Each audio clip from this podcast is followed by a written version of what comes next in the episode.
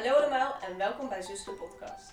Wij zijn Pleun en Eve en dit is de podcast waarbij wij samen zussend onderwerpen bespreken die ons dagelijks bezighouden. Of juist totaal niet, maar waar we stiekem toch iets meer van willen weten. Wat fijn dat je er bent. En voor onze allereerste aflevering met gasten hebben wij twee interessante ondernemers aan tafel. Ze zijn allebei seksuologen en hebben een platform waar ze praatavonden organiseren over seks en alle thema's die daarbij komen kijken. Zoals zij zelf zeggen, ze komen op voor het eigen genot. Tijdens demonstraties staan ze met spandoeken op straat en laten iedereen weten dat plezier, inclusiviteit en gelijkheid centraal staan in dat wat ons allemaal bezighoudt: seks. Het zijn Wietske en Simone van Sekspret en wij zijn super blij dat jullie vandaag bij ons aan tafel zitten. Welkom. Dankjewel. Dankjewel. We zijn het hartstikke leuk dat we hier mogen Ja. zijn. Nou, superleuk. Gaan we nu gewoon eigenlijk even bewegen naar waar we graag over willen praten. Want we zeiden net al in de introductie dat wij, wij als zussen graag over onderwerpen willen hebben waar we ook dagelijks mee bezig zijn. En waar we misschien ook wel vragen over hebben, maar ook zeker iets om, heb- om over, ehm, over hebben te zeggen. En het onderwerp seks is daar zeker eentje van. Daar zijn we veel mee bezig natuurlijk. We vinden Ja. het interessant en de dynamieken en de thema's die het met zich meebrengt. En zodoende kwamen we natuurlijk eigenlijk ook bij jullie terecht, Sekspret, eh via Instagram. Hele toffe naam trouwens. Ja, Is precies. die zelf verzonnen? Of? Ja, zelf Ja, ja. Sekspret, echt Een top. avondje bij elkaar. Dus toen zaten we echt te bedenken van hoe gaan we ons Ja. noemen. En eh, ja, in één keer kwam dit. Het is ook nog een grapje op sexper. Wat je, Oh ja. Maar dat hebben we niet veel mensen doorgelopen. Nee, maar dat kun je Ja. wel altijd leuk bij Precies. vertellen. Precies. Want inderdaad, hoe, hoe, zijn, hoe is het sekspret ontstaan? Hoe, hoe kwam, komen jullie erbij? Want jullie hebben net verteld, jullie hebben allebei seksologie eh, gestudeerd. Is het daar uitgerold? Of... Ja, eigenlijk wel. Ehm, wij kennen elkaar inderdaad vanuit Leuven, vanuit de master seksologie. En eh, we, we wonen daarvoor allebei eh, in Amsterdam. We gingen ook weer terug naar Amsterdam. Toen dachten we, ja, we weten niet of we echt in het werkveld terecht willen komen als, als behandelaar of als, eh, in die kant van seksologie. Maar we wilden het ook niet, zeker niet loslaten, we wilden wel iets mee gaan doen. En eh, toen hadden we samen bedacht van, ja, maar kunnen we dan niet onze kennis die wij hebben opgedaan tijdens eh, onze master niet gewoon doorvertellen? Want ik denk dat we allebei heel veel ervaring hebben met dat je op een feestje bent en je vertelt aan iemand dat je seksologie studeert. Dan is diegene een en al oor. ja, dan komt er meteen een heel groepje om je heen staan met alle vragen die ze hebben. Dus er is heel duidelijk echt behoefte aan om, Mhm. eh, om over te praten. Eh, vaak gaan de vragen over, eh, is datgene wat ik leuk vind normaal? Dat willen Ah. heel veel mensen weten of ze wel normaal zijn. Nou ja, niemand is echt normaal, denk ik. Nee. Dus dat antwoord is altijd vrij makkelijk. En, en iedereen vraagt altijd, wat is je beste tip voor seks? Ja. Heb je nog een goed, ja, Maar dat is eigenlijk een beetje, of nou misschien weet ik niet, is het een misconceptie dat jullie ook echt seksperts zijn? Of weten jullie gewoon veel van het mentale stukje wat bij seks komt kijken? Nou, ik denk dat het best een breed stukje is, want de master was in elk geval heel interdisciplinair. Dus veel van de vakken waren rondom psychologie, maar het was eigenlijk van de medische faculteit. Dus we hebben ook veel Mhm. geneeskunde vakken gehad, eh, biologie, endocrinologie, dus dingen over hormonen en zo. Ehm, maar ook de sociologie kant ervan en de antropologie kant. Dus het is best wel een breed eh, idee. Maar het is niet zo dat wij leren hoe je goede seks kan hebben. Nee, precies. Eh, dat, eh, dat hebben we niet gehad. Dat moeten we zelf maar bedenken. ja. Maar met de basiskennis die we hebben kun je dan natuurlijk wel, je daar goede dingen over zeggen. Ja, ja, precies. Maar sowieso is goede seks natuurlijk veel te subjectief om daarvoor een studie te kunnen doen. Want de een Ja. dat lekker en ander Ja, precies. De, seks is super subjectief. Ja, iedereen vindt lekker wat diegene lekker vindt. En dat geldt misschien voor jou en voor mij totaal Ja. niet. Dus dat, ja, wat is goede seks? Ja, En dat is ook meteen het antwoord op de vraag: is het raar dat ik dit lekker vind? Nee, want nee. want iedereen is anders. Ja. Ja. En dat is misschien dan ook waarom jullie sekspret hebben opgericht hoe het is. Want het gaat misschien meer om de dialoog van wat kan en waarom. En Ja. niet van wat is goed en wat is slecht. Ja. Nee. Veel inderdaad mannen die dan vragen inderdaad van heb je wat is het beste eh, wat je kan zeggen, hoe kan ik goede seks hebben? En dan zeg ik ja, praten met je partner. En dat zijn ze altijd een beetje teleurgesteld, want ze Ja. hoopt dat ze een soort van magisch antwoord zou hebben. Maar nee, praten met je partner en communicatie is natuurlijk het allerbelangrijkste. ja. En, hoe, en hoe zijn dan die eh, praatavonden? Want jullie organiseren praatavonden.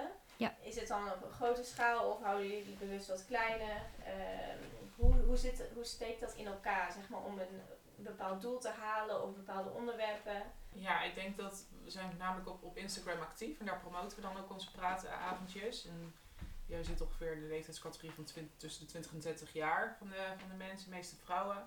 Ehm, eh, toen het fysiek kon, deden we het natuurlijk gewoon nog eh, fysiek. We hebben dan een studio eh, afgehuurd bij, eh, bij Centraal Station. Ja, daar komen tussen de 10 à 20 mensen op af. Ehm, en we willen het eigenlijk wel het liefst zo intiem mogelijk maken, omdat je toch... eh, We willen heel graag de mensen uitnodigen om ook te praten. En afgelopen eh, maand hebben we toen een, een online eh, workshop gegeven of lezing. Ja, en En daar hebben we wel nog toevallig- bewust ja. een maximum aantal van deelnemers. Dat waren er toen tien. Ja, Volgens mij. 10. Omdat je natuurlijk anders online heel slecht echt dat, de dialoog kan houden en het gesprek open kan houden. En je wil niet dat mensen anderhalf uur naar ons zitten te luisteren terwijl we aan het praten zijn. ja. Je wil echt graag in gesprek. Ja. Ja. En wat zijn dan eh, van die bepaalde uitkomsten van zulke gesprekken? Zijn jullie wel eens ergens van, wow, oké, dit had ik echt niet verwacht? Of ja, wat, wat komt eruit? Ja, het verschilt denk ik heel erg per, per keer heel erg. We vinden het het allerfijnst als mensen gewoon ehm, willen delen wat ze, wat ze meemaken, wat ze vinden. En je merkt wel dat aan het begin dat mensen het wat moeilijker vinden om dingen over zichzelf te vertellen of te vertellen waar ze mee zitten of wat meer privé details te delen. En aan het einde eh, dat ze veel opener daarover zijn. Dus dat is wel een hele mooie uitkomst, eh, vind ja, ik. en Als, ook soms eh, de feedback die je krijgt. Dat iemand na die tijd even naar je toe komt en zegt... Nou, ik vond het zo fijn dat, dat we dit mochten zeggen. Of dat we het hierover konden hebben. Of keer gehad dat iemand ons na de volgende dag via Instagram... toch nog even een privéberichtje stuurde van... Nou, ik vond het zo leuk. Dan denk je, ja, yes, daar doen we het voor. Ja. Dus eh, ja, hopelijk meestal positief. Maar ja, tuurlijk, als het een keer niet, eh, niet goed valt... Ja, ja, dan, eh, dan kan dat ook. Dat kan ook. Ja. ja. dialoog betekent natuurlijk niet per se altijd met elkaar eens zijn. Of, Nee, je kunt het ook niet oplossen. Als, het, zeg maar, als iemand echt met een probleem komt, is het heel lastig om te zeggen: ja, ik kan je probleem niet in één workshop of zo oplossen. Terwijl je dat misschien heel graag voor ze zou willen doen, maar dat lukt niet. Maar je kan wel iemand gewoon, het- nou ja, dat gevoel geven dat je er naar luistert en dat iemand met zijn of haar probleem bij jou kan komen. En ik denk dat dat een heel fijn idee is. En dat er gewoon open over seks gesproken mag worden. Ja, dat je niet dat. gejudged wordt en dat het gewoon prima is. Vertel Ja. wat je wil en wij kijken nergens meer af en op. Dus Ja. ja. En, en wat voor problemen, want je zegt problemen kunnen oplossen voor een ander, wat voor problemen kom je veel tegen? Eh, ik denk voor- voornamelijk bij vrouwen toch ook wel eh, verminderd eh, seksueel verlangen. Dat dat wel... eh, En dan met de vraag, wat kan ik er tegen doen? Hoe- Ja, Ja, maar daar dat- ging ook onze laatste workshop Ja. over. Ja, voor bijvoorbeeld als er een verschil in verlangen zit binnen een relatie of zo. Van hoe kom je het eh, goed tot elkaar? eh, Ja. Hoe kan je die verschillen overbruggen? Dus dan krijgen ze weer een saai antwoord, vrees ik. Praten, Praten. over seks, ja. Klopt. We hebben ook één keer een, eh, een specifieke avond georganiseerd met als thema praten over seks. Hoe doe je Ja. dat nou? Want dat is toch Ja, wel dat. heel belangrijk. Maar ik denk inderdaad, je kan wel zeggen, ja, praat erover, maar als je niet weet hoe, Nee. Nee, inderdaad. Dus we proberen altijd mensen Ja. wel goede handvatten te geven en tips en tricks. Hè. Eh, Als je bijvoorbeeld ehm, eh, in bed ligt en je vraagt aan je partner wat vind je lekker, dat is best wel een, een confronterende vraag. En dat is best wel moeilijk om antwoord op te geven. Zeker als je dat niet goed van jezelf weet. Eh, maar als je dan de vraag net een beetje anders stelt, van eh, wil je liever harder of zachter? Wil je liever eh, linksom of rechtsom? Wil je liever ja. eh, sneller of langzamer? Dat zijn opties die je dan geeft. Ja. Eh, en dan, kan je, dan is het veel makkelijker om daar antwoord op te geven. Oké, dus niet, niet per se hele grote vragen stellen eh, die allesomvattend kunnen Ja. zijn, maar meer inderdaad eh, ja, Ja. bescheidene opties. Ja, en korte momentjes inplannen eh, voor, tijdens of na de seks. Ja, over wat er, wat er fijn was. Bijvoorbeeld achteraf even van eh, hoe was dit voor jou en wa- wat vond je er precies leuk aan. Ja. Eh, eh, en dat even tussendoor. Je hoeft niet een paar grote gesprekken over seks te voeren, maar gewoon eh, het, norm- ja, het normaal maken om er makkelijk over te praten, is denk ik. Ja, dat doet me gewoon denken, want dan gaat het bijvoorbeeld over mensen die al langer in een relatie zitten. En seks speelt dan natuurlijk ook nog steeds wel gewoon een belangrijke rol. En dat je dus kan zien hoe grote impact het praten over seks heeft, over dat, oh ja, over toch een stukje intimiteit binnen je relatie. Ja, en ik denk soms ook, dat, daar begonnen wij ook mee, van ja, als je geen zin hebt in seks is dat ook oké, zeg maar. Als jullie Ja. er allebei mee oké zijn, als er, het wordt best wel een druk gelegd vanuit de maatschappij op seks. Van je moet het eh, Mhm. per se eh, eigenlijk drie keer per week doen, dat is oké. En eh, eh, we mogen het er niet veel over hebben, maar iedereen moet er wel heel goed in zijn. Ja. Dus dat is heel tegenstrijdig. En als Ja. voor jou één keer per jaar seks eh, geweldig is en voor je partner ook, ja, dik vet prima, dan eh, laat je het er lekker bij. Dus je moet ook heel erg voor jezelf kijken van ja, heb ik echt zin in seks of doe ik het omdat het eigenlijk een beetje van me verwacht wordt? Ja. En eh, ja, meestal verwachten mensen niet dat als je seksuoloog bent, dat je zegt, ja, dan heb je gewoon lekker geen seks. Dat is ook oké. Ja, want mensen gaan er dan vanuit dat je eigenlijk zegt van nou hier is een oplossing. Ja. Vanaf, en als je dit doet, dan Ja. heb je dus weer zin in drie keer seks in de week. Ja. Ja. en heel veel mensen hebben iets van hoe meer seks, hoe beter. Maar wij staan er denk ik heel anders in. Eh, Ja. Het gaat echt puur om wat je eh, fijn vindt. En liever minder vaak seks eh, en dan heel goed, waar je er echt van geniet, dan eh, heel vaak, terwijl je het eigenlijk niet zo heel prettig vindt. Ja. Van liever gewoon een paar keer goed dan, dan inderdaad heel vaak. En dat doet me ook gewoon denken van... Seks is natuurlijk ook gewoon best wel intensief. En het hoeft niet per se, maar het kan gewoon best wel tijd kosten. Je wil er natuurlijk misschien de tijd voor nemen. En ja, als je dat ook drie, vier keer per week wel niet wil doen... Ja, dan heb je toch gewoon Kost geen ook tijd veel tijd. Ja. we hadden het er net over. Jullie werken van 8 tot 6. We hebben allemaal gewoon vrienden. En En baan en toestanden. ja, we zitten hier ook op onze vrije avond dit op te nemen. Ja. Nou ja, als ik hierna nog een paar uur seks moet hebben, Ja. Nou ja, sowieso een paar uur is aan de lange kant. is aan de lange kant. Maar als je wel... Als je wil, prima hoor. Tenzij je dat wil. Maar als je inderdaad de tijd ervoor wil nemen, samen een, een, een setting wil creëren, dan... Ja, dat kost tijd. Dat is een investering. En dat, Dus dan is het ook inderdaad een soort van, goh, past dat dan ook wel in het beeld van, van de samenleving? Dat aan de ene kant, je moet heel veel seks hebben en goed. Ja, Maar eigenlijk past het ook niet per se in, in de... want we moeten al zoveel. Want we Ja. moeten al zoveel, of ja, of in de ritmes Ja. van, van het dagelijks Ja. leven. Ja, wat ook altijd wel een goede tip is, is heel veel mensen denken ook dat seks heel spontaan moet komen. Dat dat ook nog eh, Mhm. erbij moet komen. Maar het is ook heel prima om het gewoon in te plannen. Dus als je denkt van, oh ja, ik heb die avond eh, eh, weer wat tijd. Laten we dan plannen dat we dan even aandacht voor elkaar besteden. En dan hoeft er niet per se seks te komen. Maar dan heb je wel een avondje ingepland om aandacht aan elkaar te besteden. Ja, eh, te samen te zijn, intiem te zijn samen. En dat kan dan Ja. leiden tot seks. En dat, dat kan heel erg helpen om dat soort van weer, weer terug in het ritme te, te laten komen. Ja. Nou ja, je hebt het natuurlijk over praten erover met je partner. Ehm, hoe zit dat binnen families? Oh ja. Hebben jullie het daarover? Want dit is ook een onderdeel natuurlijk van onze podcast. Van, hè, vanuit het zussen Ja. stukje wat een wij bepaalde doen. band. Ja, ik moest daar, ja.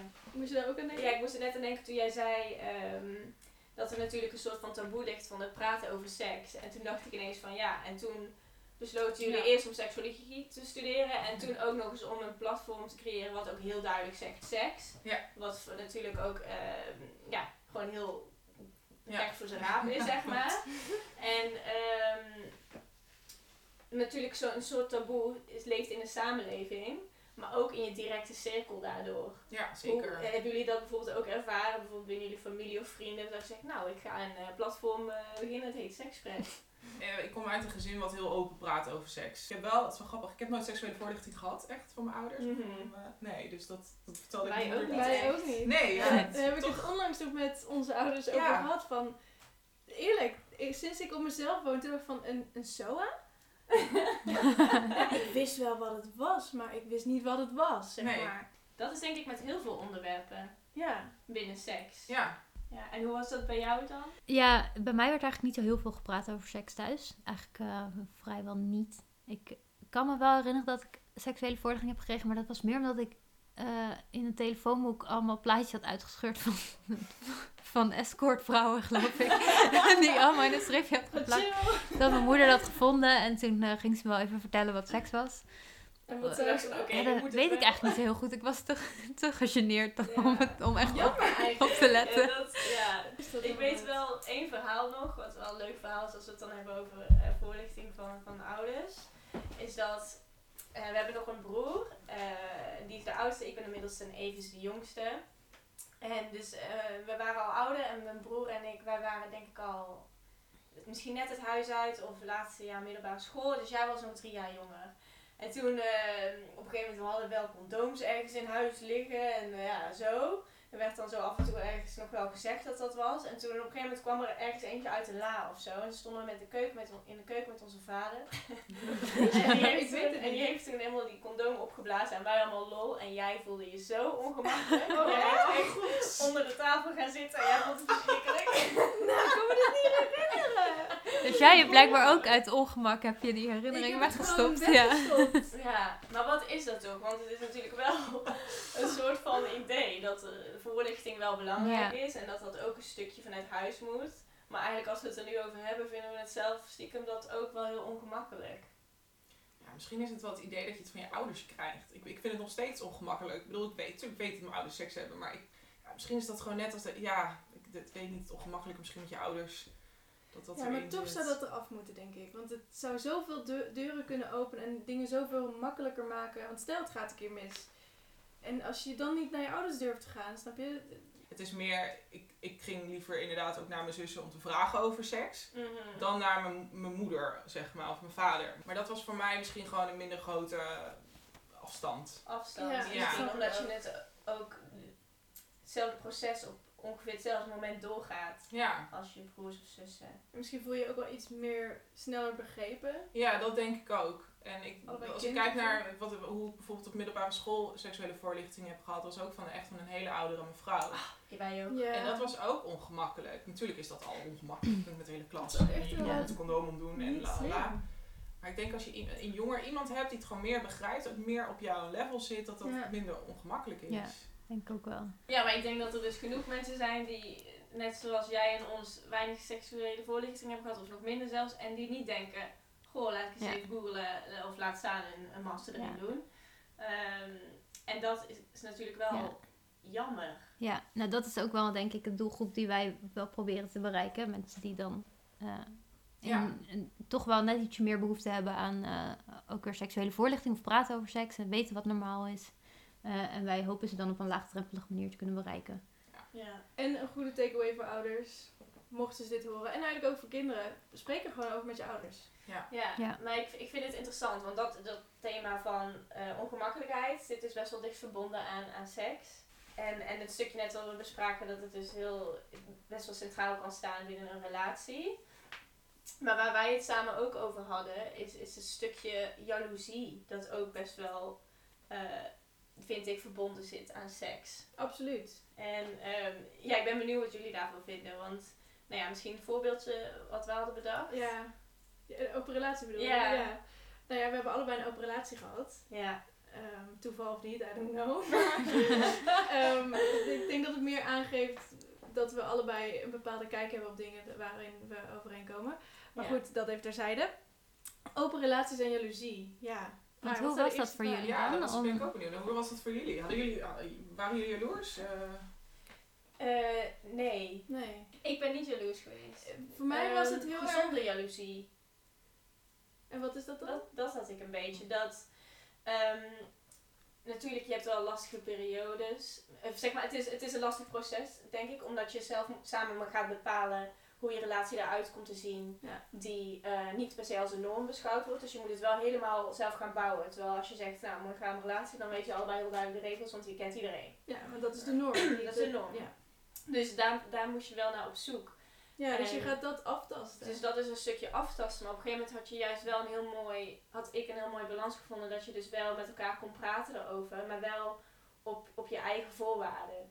Dus ik had een relatie en dan als, als ehm, diegene seks met iemand anders had gehad of zo, was het niet dat hij mij daarna opbelde nog eh, in bed liggen. Nou, hè, hè, dat was lekker, weet ik veel. Nee, nee. Maar Geen dat je details. ja, Ja. dat op een gegeven Ja. moment dat je dan een moment kiest om te praten over je relatie en dat je dat erbij kan halen en dat je daar dan doorheen kan praten. En dan kon ik eigenlijk alleen maar voor die persoon ook hopen dat het een fijne ervaring was.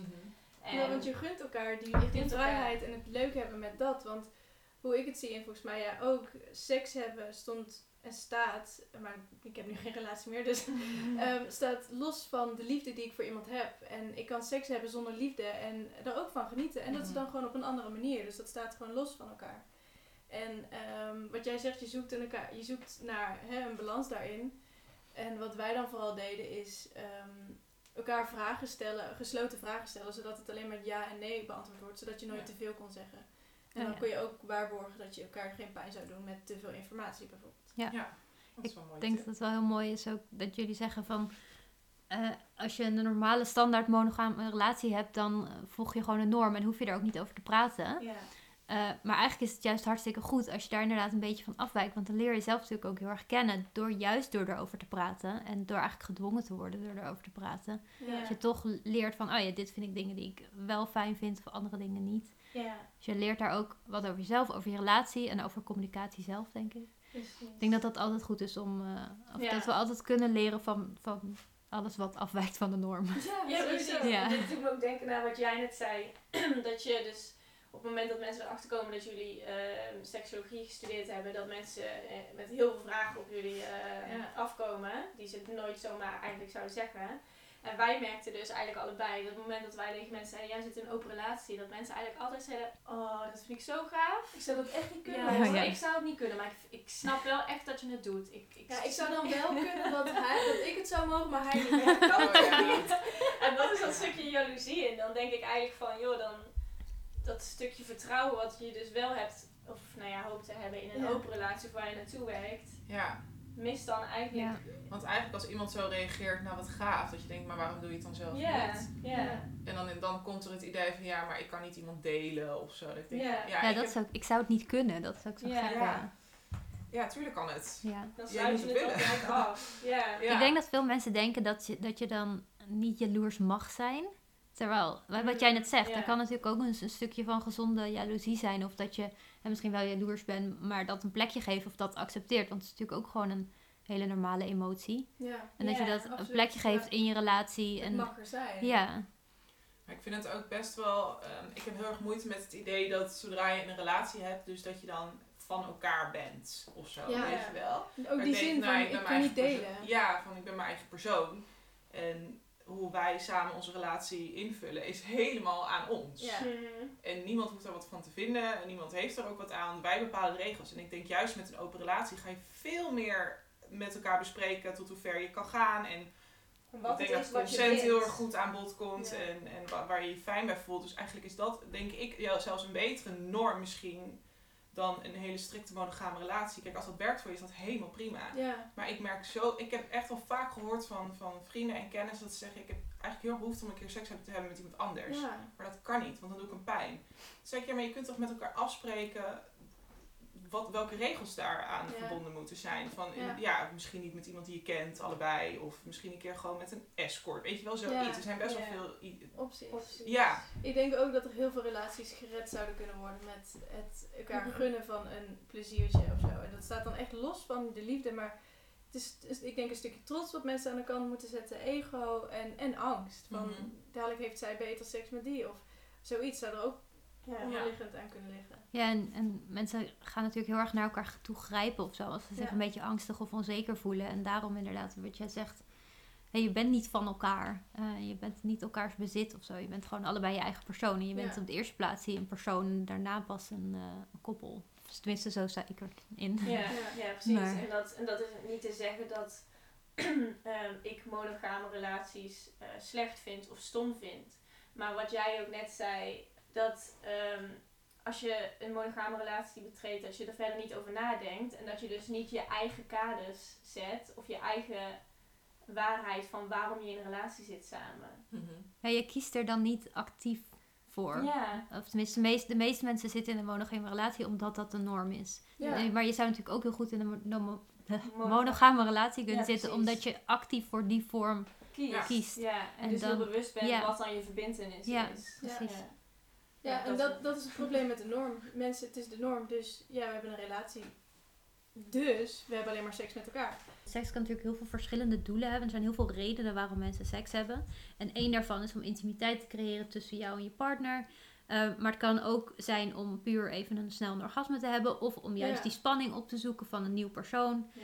Ehm, er zijn superveel redenen. En ja, je hoeft niet alles bij dezelfde persoon te vinden. Al die doelen. Ja. Daarom krijg je dus, als je er niet goed over praat en, en je zit allebei in een monogame relatie en je, je doet dat omdat het moet van de maatschappij. Ja, en iemand anders heeft wel heel erg behoefte om iets anders te doen. Ja, dan krijg je het vreemdgaanprincipe. En daar Ja, ligt ja, natuurlijk gigantische... Dat kan al helemaal Nee, niet. dat Nee, kan en niet. dan ben je ineens de boeman. Ja, Ja. dan heb je dus, dan geef ik dus niet wat jij zoekt. Dat idee krijg je dan. Terwijl ik denk, als je gewoon over praat en niet om nu te zeggen dat iedereen inderdaad een open relatie aan moet gaan of zo. Maar Nee, helemaal niet. het, het praten erover, en dat gebeurt denk ik met de open relatie, dat is zo belangrijk. Van waar heb je Ja. behoefte aan? En, en inderdaad, het idee van seks en liefde kan totaal los van elkaar liggen. Mhm. Maar prima. Misschien is dat pijnlijk en misschien moet je niet meteen binnen een maand doen. Nee. Maar je kunt het erover hebben na een Ja, tijdje. het weet moet je. ja. zijn. Ja. Ja, je kan precies ook kijken. wa- Wat is nou precies de reden dat je seks wil? Of wat is de reden dat wij nu geen seks hebben? Of eh, ja. Ja. dat, er, dat er iets mist of zo. En als, dan kan je samen volgens gaan kijken, nou wat kunnen we doen om dat op te lossen? En misschien dat je op een andere manier seks kan hebben. Ja. Ja. Nou, ik, eh, we zijn volgens mij best wel eensgezind. Ja. Kunnen we hieruit-. Gelukkig. Ja, maar mocht je hier nou naar luisteren en denken van ja, een open relatie, dat lijkt me wel wat. Sluit in onze DM, stuur een e-mailtje, eh, we bellen. Want over praten kan altijd. Zeker. Precies. Of naar sekspret natuurlijk, want Ja, zij uiteraard. weten er nog meer van dan ons. Tussen de podcast en sekspret, toch? Ja. Yes, precies. Niet te missen. Niet te missen. Mag ik vragen waar jullie eh, interesse in seks vandaan komt? Goeie vraag. Ehm, nou, ik heb wel onlangs een beetje een ontwikkeling doorgemaakt in mijn seksleven. Ik voelde echt een druk om te moeten seksen eh, in, mijn, in mijn relatie. En, ehm, en daar, dat ging ten koste van mijn zin, zeg maar. Want dan gingen we slapen en dan was het...